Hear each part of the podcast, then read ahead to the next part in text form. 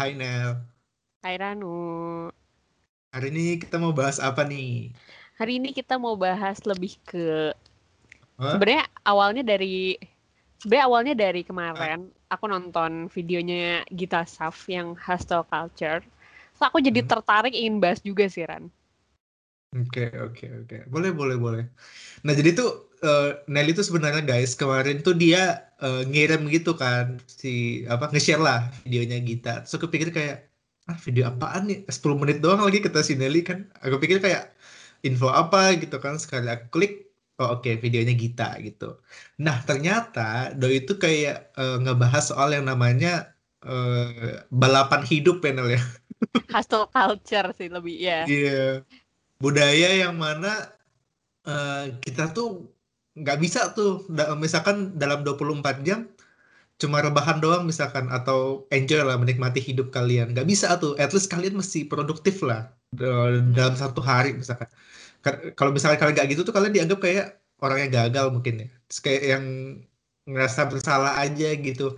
Nah dan ini tuh udah jadi kayak mindset eh, setiap orang gitu. Termasuk kita kita ini Nel. Iya nggak sih? Hmm, selama ini. Bener.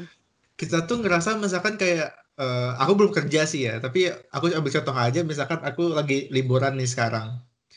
Nah, di liburan ini aku tuh eh, sat- dalam satu mungkin dalam seminggu, mungkin enam hari di rumah doang gitu loh.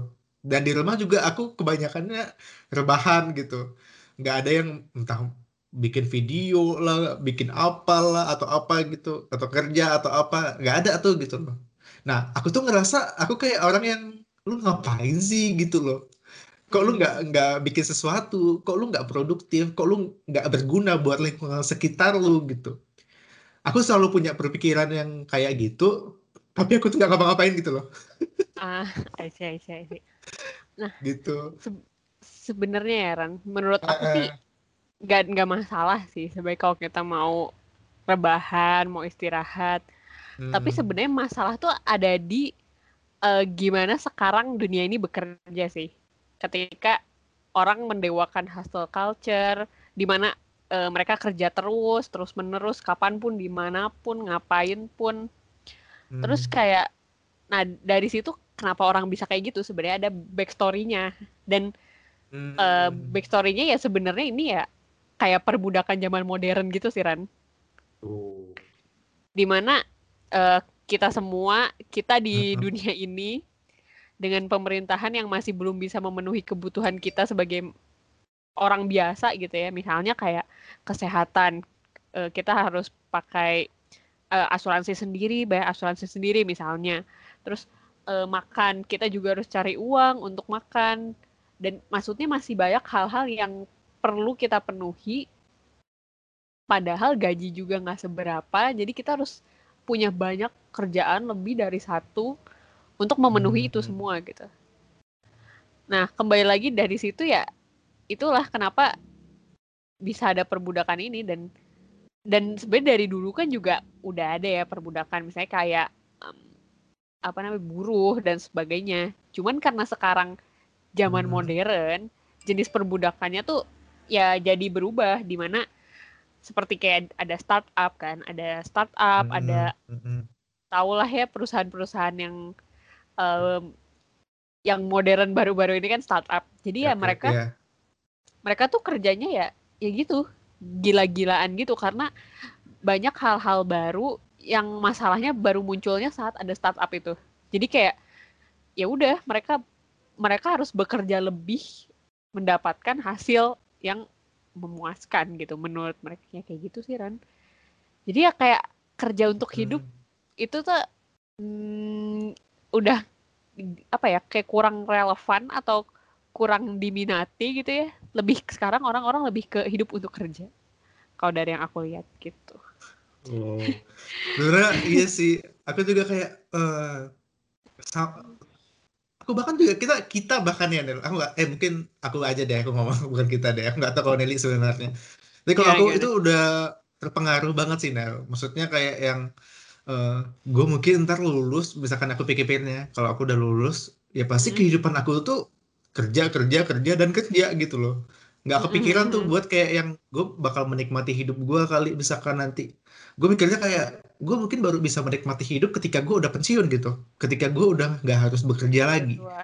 Uh, uh, udah tua gitu. Bukan bukan pada saat uh, aku masih masih masih apa ya masih sehat bugar gitu loh. Masih di usia produktif aku bisa enjoy melakukan apa pun yang aku mau. Nah aku tuh nggak kepikiran gitu loh sampai ke sana. Bahkan aku punya pemikiran seperti itu gitu loh Nel. Mindsetnya kita tuh udah dibuat kayak uh, kayak buruh digital gitu, buruh buruh apa namanya? Buruh masa kini gitu ya. Iya. kerja kerja kerja kerja jangan sampai tipes sih tapi itu uh, kerja kerja kerja itu, tipes. itu aduh kayak makanya orang butuh asuransi. Tapi kenapa kita sampai harus perlu-perlu nyari asuransi? Karena pemerintah nggak menyediakan yang hmm. memadai gitu ya kan kayak gitu. Yeah, Kalau yeah, yeah, di Jerman udah ada yang lebih apa ya namanya uh, lebih ada lah gitu maksudnya. ada ada. Di kalau aku bisa bilang uh, sistem kesehatan aku nggak tahu namanya apa ya sistem kesehatan gitu dan pokoknya itulah intinya. Jadi kita uh, salah satu yang terbaik ya di dunia. Jadi kalau misalkan kita sakit sakit apa pun itu mau lu hmm. uh, mau yang parah sekalipun gitu loh. Nah uh, lu tuh nggak perlu khawatir gitu loh ngeluarin biaya yang gede atau apa karena kita udah ditanggung asuransi gitu. Dan di sini sendiri pun juga uh, ada yang namanya asuransi negara dan asuransi swasta.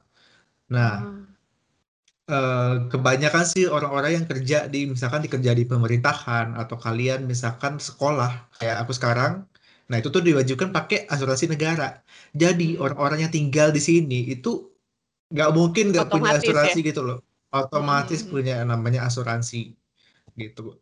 Mungkin kalau ada yang nggak punya, mungkin ada lah ya. Nggak mungkin dong dari sekian banyak oh, 100% punya asuransi. Mungkin kayak 90 persennya punya lah gitu. Yang nggak punya itu ya mau nggak mau bayar sendiri gitu. Tapi aku jarang sih nemu kasus orang yang nggak punya asuransi sebenarnya di sini. Rata-rata tuh selalu punya gitu.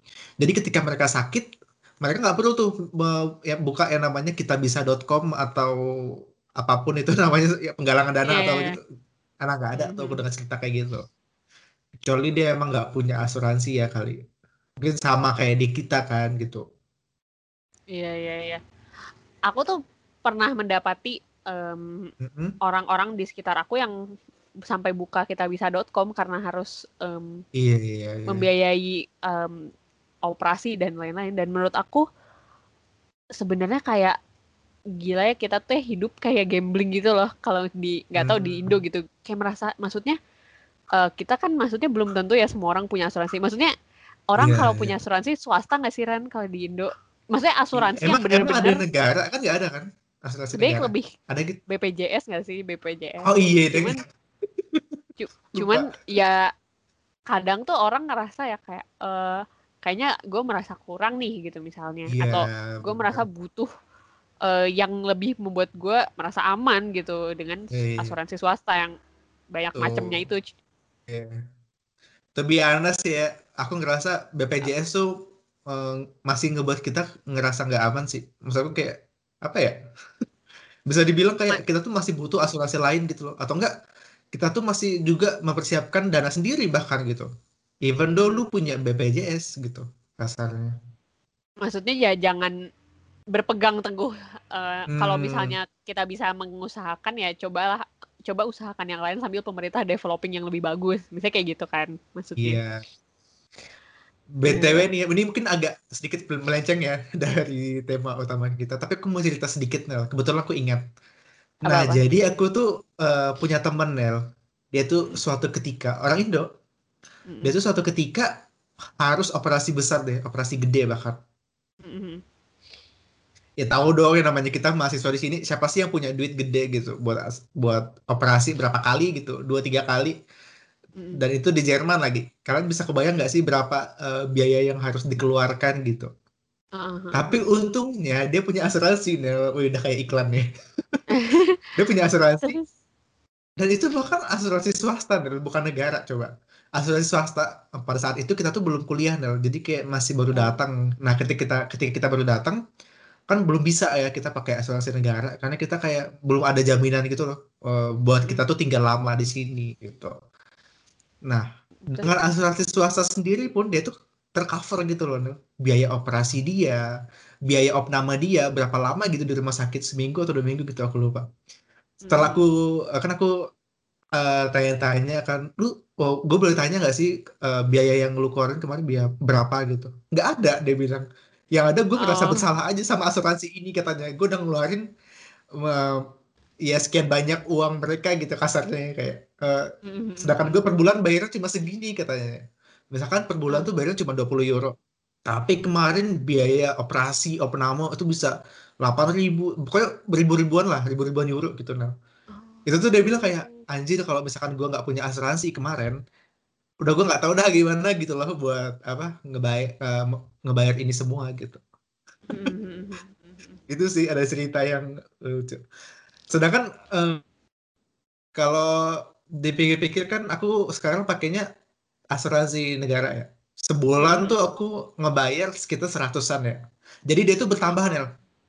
Eh, setiap Oh. eh, umur kita ber- apa ya kan nambah nih umur kita setiap tahun. Nah dia tuh naik iya. tuh setiap tahun makin tua Ah. lu makin mahal dia gitu biayanya. nah Ah. sedangkan aku tuh ngerasa kayak anjir gue yang bayar seratusan tapi nggak pernah ya, siapa juga sih yang mau sakit sebenarnya cuman kayak yang ngerti nggak sih Nel kayak yang anjir sayang juga ya gitu sebenarnya gue nggak bayar seratus tapi gue pikir-pikir lagi kayak oke entah kalau misalkan gue tadi yang namanya kan hidup ini gambling ya Nel ya kalau Mm. suatu ketika nggak terduga nih gue butuh perawatan medis yang biayanya mahal ya gue udah tenang gitu loh. Karena gue udah punya asuransi itu tadi gitu asuransi negara lagi. Kayak gitu. Benar benar benar. Ceritanya. Iya ya. Emang harus dianggap uang hilang sih Ran kayaknya. Biar Ya. kita tuh nggak kepikiran gitu. Ini sih. Sebenarnya kadang aku tuh sebenarnya masih nggak rela loh kayak yang oh shit. Gue buat ini masih keluarin kayak 100 euro. Nggak nggak nggak gue dapetin maksudnya ya bukan buat beli barang atau bukan buat apa gitu loh buat eh, sesuatu yang kita apa ya entah itu hobi atau apa gitu kan atau buat makan bahkan tapi ini tuh buat ke sesuatu yang kita nggak tahu kapan kita pakai gitu loh Nil. Mm. syukur-syukur kalau kita ntar kepake gitu ya tapi aku nggak berharap juga sih buat pakai sebenarnya Iya iya. Iya iya iya. Ya ya gitu deh. Eh, kembali lagi Hmm. ke hasil cul- culture ya. Ya itu makanya makanya kita harus memenuhi kebutuhan kita sendiri entah itu makan, entah itu asuransi. Jadi itu Iya. gimana gimana kita nggak dituntut untuk kerja gitu. Iya, saat- untuk selalu produktif. Iya iya iya. Ya walaupun gue juga sebenarnya nggak gitu setuju sih Ran eh, untuk kita kerja terus lah bla bla bla kerja Iya. yang eh, terlalu berlebihan sampai misalnya waktu tidurnya kurang karena menurut Hmm, gue tuh kayak nggak sehat sama sekali kalau misalnya mending kalau misalnya kita kita kayak Iya. punya asuransi gitu. Coba kalau misalnya kita udah usaha kerja bla bla bla bla bla, terus kita nggak punya asuransi, terus kita tiba-tiba sakit kayak udah ruginya kita sendiri yang ngebiayain kita sendiri. Lu ker- capek kerja. iya sih. Kayak maksud- banget itu. Iya makanya maksud gue kayak, iya gue tuh pengen pengen banget punya kehidupan yang hid- kerja itu untuk hidup gitu. Maksudnya Hmm. ya gue nggak tahu sih apakah itu masih possible di Indonesia gitu cuman ya banyak orang kan sekarang kayak ngomong Iya. pindah negara ke New Zealand lah ke Finland lah iya, iya, iya. karena karena ya itu cita-citanya tuh mindfulness bukan kayak gerusah gerusuk Sebenarnya, eh, sebenarnya sih Nel, itu mungkin mungkin aja sih di Indo. Kecuali kalau bukan kecuali kalau kalau lu yang nyiptain kerjaan lu sendiri, jadi lu nggak kerja sama orang yang itu mungkin possible ya. Tapi yang namanya kalau kita misalkan nyiptain kerjaan kita sendiri, otomatis yang kita kejar apa? Profit juga kan? Yang ada kita Iya. gituin juga misalkan orang yang kerja sama kita. Tetap kayak Iya. siklus dia jatuhnya. Hmm, iya iya iya. iya. kecuali eh, kecuali eh, lu eh, kerja yang kayak apa ya? Nggak ada sih kayaknya kerjaan yang nggak eh, nggak bikin lu sebenarnya ini kalau di Indo ya sebenarnya. Kecuali emang udah dari perusahaannya ya. Maksudnya perusahaannya tuh yang kayak menciptakan eh, atmosfer kerja yang enak, yang nyaman. Terus lu mungkin kayak seminggu masuk cuman empat kali gitu. kerjanya cuma Hmm. lima jam juga gitu sisanya lu bisa ada waktu buat keluarga atau waktu lu buat have fun. Nah kecuali mereka punya policy seperti itu gitu ya. Tapi kan itu kalau dipikir-pikir kalau dari segi bisnis atau apa kayak eh, oke deh kalau ini misalkan eh, efektif gitu ya. Ter- lebih efektif gitu. Misalkan kerja de- dengan kerja seminggu empat kali misal eh, empat hari misalkan. Tapi kalau dipikir-pikir kalau dari segi buat ngambil keuntungan gitu kayaknya kenapa nggak gue tambah aja gitu pasti punya pemikiran Iya, iya. seperti itu gitu loh si bos-bos ini gitu tetap susah juga kecuali itu mereka emang demi kemanusiaan gitu kali ya Iya, ya. Demi kemanusiaan. Kayak nggak ada rasanya kayak ini deh, kayak buruh di pabrik gitu misalnya. Kenapa Iya. sampai ada tiga shift? Ya karena biar pabriknya nggak mati, nggak mati gitu, nggak ada waktu untuk berhenti, ngerti nggak sih? Jadi kayak Hmm. ya itulah kenapa terjadi perbudakan ya mereka ngerasa ah gue bikin aja tiga shift, ah gue bikin aja kayak gini supaya maksimal keuntungannya ya gitulah Iya. bahkan ya ngomongin Eh. buruh dan em tetek bengeknya gitu ya. Aku Iya. ngeliat di Twitter ada salah satu universitas Ivy League di eh, Amerika yang jadi ada salah satu CEO eh, kayak bikin seminar gitu. Terus dia kayak menceritakan positifnya eh, kerja dengan cara diktator gitu. Jadi kayak eh, apa eh, ini ini loh kenapa kenapa perusahaan kita bisa maju? Ya karena kita menggunakan cara diktator yang ini ini ini ini. Dan itu Mm-mm. jadiin seminaran kayak maksudnya gue udah sampai nggak habis pikir sih sama itu. Cuman ya ya itu kan mereka ya mereka sebagai pemilik usaha yang seperti yang kamu bilang tadi kayak siklus gitu. Jadi ya Hmm, itu tuh benar-benar real gitu. Makanya. Meskipun lu mungkin pada awalnya dia mungkin punya pemikiran sama kayak kita kali ya, maksudnya kayak kita sekarang kali, maksudnya kayak yang wah nggak boleh dong gue kayak gitu sama orang lain gitu, kayak masa gue tega? gitu kan. Mempekerjakan orang misalkan lebih dari batas sewajarnya gitu. Tapi karena tadi namanya manusia ya, kalau dia udah ya udah ada yang namanya apa ya? Kalau gue bisa dap, gua- kalau gue bisa dapetin ini dengan cara yang ini, kenapa tidak gitu kan? Nah, itu sih Hmm. tantangan terberatnya sebenarnya gitu loh. Makanya Iya, iya, iya. eh, sekarang juga banyak kan entah itu motivator lah atau apa juga yang eh, menanamkan mindset mindset yang apa ya produktif produktif atau enggak kerja kerja kerja kerja. Sebenarnya nggak salah Ah. 100% sih. Cuman kayak Hmm. yang eh apa ya bisa dibilang terlalu berlebihan juga loh terkadang gitu loh meskipun nggak semuanya ya. Dan tujuan mereka itu tadi kan ya itu tadi Nal seperti aku bilang sama mendapatkan profit yang sebesar-besarnya gitu Iya, di iya, perusahaan iya, iya. mereka gitu kan. Sedangkan kita tuh dipaksa atau ditanamkan mindset buat yang kayak gue harus produktif, gue harus produktif, gue harus produktif. Padahal kalau bisa dibilang aku nggak tahu sih ya ini mungkin nggak berlaku buat semua orang tapi pasti ada dong kayak yang biasa eh, atasan atasannya tuh malah kerjanya tuh lebih sedikit dibanding bawahannya misalkan. Dan mereka bisa lebih enjoy dengan hidup dan lain-lain sedangkan bawahannya atau entah itu buruh atau anak buahnya mereka tuh lebih eh, lebih terkuras lah gitu tenaga dan otaknya gitu buat bekerja gitu. Itu sih yang terkadang sedikit tidak fair ya menurut aku. Cuman aku nggak tahu kenyataannya di luar sana tuh seperti apa. Mungkin Nelly bisa berkomentar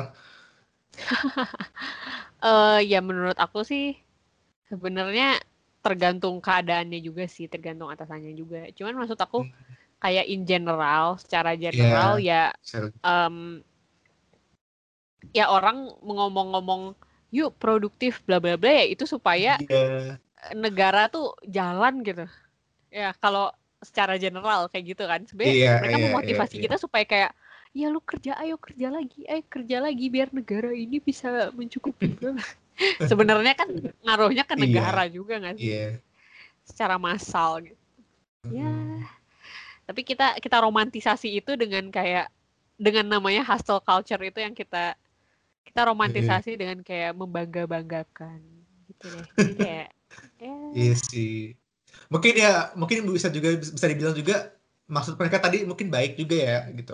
Memotivasi kita buat kayak lebih semangat kerja atau apa. Terkadang kan juga ada kan orang yang kayak anjir gue gak motivasi kerja nih. Nah mungkin dengan kata-kata seperti itu dia mungkin lebih termotivasi bisa juga. Tapi ada juga orang yang salah nanggepinnya gitu loh Nel. Mungkin kayak aku juga gitu. Aku mungkin pernah salah nanggepin atau pernah punya mindset juga seperti itu. Yang mana aku mikir kayak aduh anjir gue ngerasa nggak nggak berguna nih jadi orang gitu kan. Gue udah umur segini gue nggak berbuat banyak buat lingkungan gue boro-boro mau negara gitu kasarnya. Udah sejauh itu gitu pemikiran aku. Tapi aku cuma mikir doang kayak gitu. Maksudnya kayak gue tuh nggak ada action gitu loh. Buat kayak gue mengatasi uh, itu semua. Jadi gitu hanya kayak mikir mikir mikir overthinking overthinking udah gitu doang gitu loh. Jadi berulang-ulang seperti itu gitu. Tapi itu yang jadi yang bikin gue tuh punya masalah tersendiri juga gitu dengan yang namanya hasil culture itu juga Nel gitu. Makanya gue tuh sekarang masih kayak yang apa ya uh, masih mencari jati diri juga kali ya gitu. Gue tuh masih bagaimana gitu loh dengan kehidupan gue nanti dengan kehidupan pekerjaan gue nanti apakah gue harus menjadi orang yang kayak produktif produktif produktif kayak gue kerja kerja kerja terus gitu. Kayak gue mungkin uh, di rumah misalkan uh, bahkan bukan di, di luar waktu kerja gitu kasarnya. Gue mesti harus meladeni entah itu klien atau bos gitu. Apakah gue masih harus jadi orang seperti itu? Atau gue kayak yang uh, seperti orang-orang di sini kebanyakan. Jadi kayak lu kerja kerja di luar jam kerja ya udah gitu. Gue nggak mau ada apa ya namanya nggak mau ada kontak dengan lu gitu. Orang-orang di yeah. Iya, iya. pekerjaan gue misalkan. Nah itu tuh masih 50-50 sih sebenarnya di situ. Cuman dengan adanya video kemarin tuh juga sedikit agak apa ya bikin aku kepikiran gitu loh Nel. Itu sih kayak yang gue masih gimana nanti ke depannya gitu. Hmm iya iya iya. Gue ngerti sih perasaan itu. Tapi yang pasti ini semua belum ada jawaban fixnya sih. Dan sebenarnya nggak yeah. nggak akan ada. Nggak ada ya? Nggak ada. Cuman ya ini pilihan aja pribadi. Mau hustle culture oh. atau mau mindfulness silahkan dipilih ya masing-masing. Iya, mungkin uh, aku ngerasa kayak apa gue masih terjun terjun dulu gitu di dunia kerja baru gue bisa memutuskan. Jadi kayak kalau sekarang kan aku kasarnya tuh kayak ngeraba-raba ya ya. Karena gue tuh belum terjun langsung gitu ke dunia itu.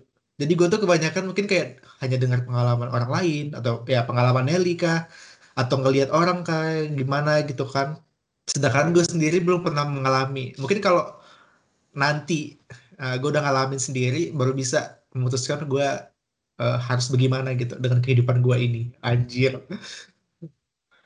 Iya ya. Semoga segera ya Ran, segera segera kita breakdown ini ke yang lebih dalam. oh, semoga. Oke. Okay. Dan Nelly, uh, Nelly selama ini uh, kalau boleh tahu nih ya, Nelly lebih hmm. banyak rebahan apa kerja sejauh ini? Sejauh ini kerja. Tapi aku hmm. berusaha hmm. untuk meminimalisir kerja Sabtu Minggu sih Ran. Hmm. Walaupun harus ada jadi jangan sampai kayak seharian gitu. Gitu karena karena ya kadang tuh uh, suntuk juga gak sih kayak yeah. jangan sampai burnout gue tuh soalnya burnout tuh nggak enak banget. Bener-bener nggak nggak bersahabat lah Ran. Kayak makin gak produktif aja gitu. Wow kembali lagi ke kata produktif itu. Makin gak iya. makin kayak Bener juga sih. kitanya nggak enak kerjaan juga nggak beres gitu loh. Kayak gitu sih. Iya. Aku aku juga pernah lihat Nel eh, bukan pernah lihat dan dengar maksudnya dari video kemarin yang dia bilang kayak uh, lu mendingan kerja uh, misalkan cuma kerja lima jam atau enggak seminggu masuk cuma empat kali. Tapi lu tuh jauh lebih produktif gitu loh dibanding lu uh, kerja misalkan Senin sampai Sabtu masuk jam uh, uh, kerja 8 jam gitu. Tapi lu nggak produktif. Hmm. lebih banyak kan yang kayak santuy lah atau enggak karena lu tadi misalkan kurang waktu buat lu apa ya enjoy sama hidup lu atau enggak mikirin keluarga misalkan karena jarang ketemu itu tadi justru lu malah uh, kerjanya nggak konsen gitu bisa juga kan yeah. gitu mm-hmm. setuju setuju itu bisa banget sih terjadi bisa banget mm-hmm. makanya kayak ya semoga ke depannya sih um, kita kayak ada ada jeda lah ya di antara kerja dan dan kehidupan gitu jangan sampai hidup kita yeah. jadi terbengkalai kayak kayak maksudnya kayak lu lihat hmm. aja contoh-contoh ibu-ibu misalnya yang kerja gitu kan yeah. ada yang misalnya anaknya jadi nggak keurus atau misalnya itu nggak nggak cuma ibu-ibu sih keluarga siapa pun keluarga, apa pun yang yeah. uh -uh. kayak misalnya bapaknya nggak pernah ketemu anaknya atau bap anaknya sampai lupa bapaknya kayak gitu-gitu kan itu pernah banget terjadi dan gue yeah. pernah ngeliat uh, bentuk bahkan aku pernah merasakan. Oh iya? Iya yang tapi kalau cerita ya. jadi curhat ntar iya. Iya ya nanti aja. Tapi maksudnya intinya ya masa sih gitu. Masa iya. sih mau mau kayak gitu selamanya gitu. Kayak gitu sih. Makanya sih. Ya semoga aku nggak tahu sih. Aku ngerasa ya di generasi generasi kita nih um, orang-orangnya tuh kayak lebih terbuka sih maksudnya kayak misalkan ada perubahan apa atau enggak gaya hidup baru. Maksudnya mengadopsi gaya hidup baru yang lebih baik. Nah aku rasa di generasi kita ini tahun 90-an ke bawah itu kayak lebih bisa lebih menerima sih. Gitu hmm. dibanding yang tua-tua sekarang. Jadi kayak mungkin ya ketika pada saatnya generasi kita yang mengambil alih negeri ini yang menjalankan hmm. semuanya di negeri ini yang tadi namanya apa uh, work work life uh, balance itu bisa terjadi gitu. Mungkin aja siapa tahu kan gitu. Karena uh, anak-anak milenial atau Gen Z sekarang tuh kayak udah melek selain mereka melek uh, namanya teknologi mereka tuh aktif di medsos. Terus juga kayak apa ya sering juga melihat dunia luar gitu loh. Maksudnya kayak hmm. budaya-budaya lain gitu yang mungkin baik juga gitu loh buat kita adopsi Nah, dari situ sih makanya aku bisa menilai Nel.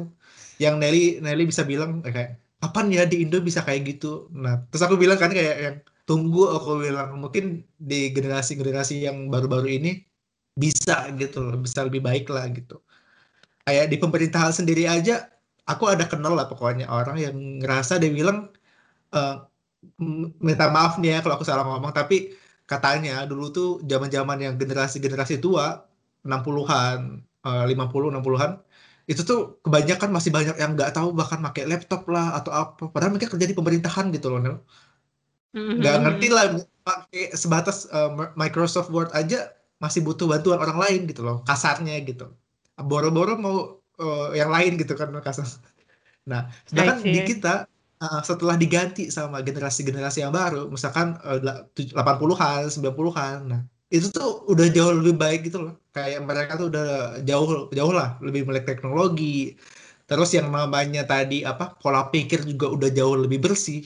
Dalam artian kayak nggak ada tuh uh, maksudnya kepikiran buat kayak uh, datang ongkang-ongkang kaki doang atau apa. Nah mereka tuh punya pemikiran kayak ya gue datang harus kerja gitu. Dan kebanyakan hmm. juga sesuai dengan kemampuan atau enggak kualifikasi yang mereka punya gitu itu sih yang aku uh, dapat sedikit dapat testimoni lah dari orang yang uh, bekerja sekarang gitu.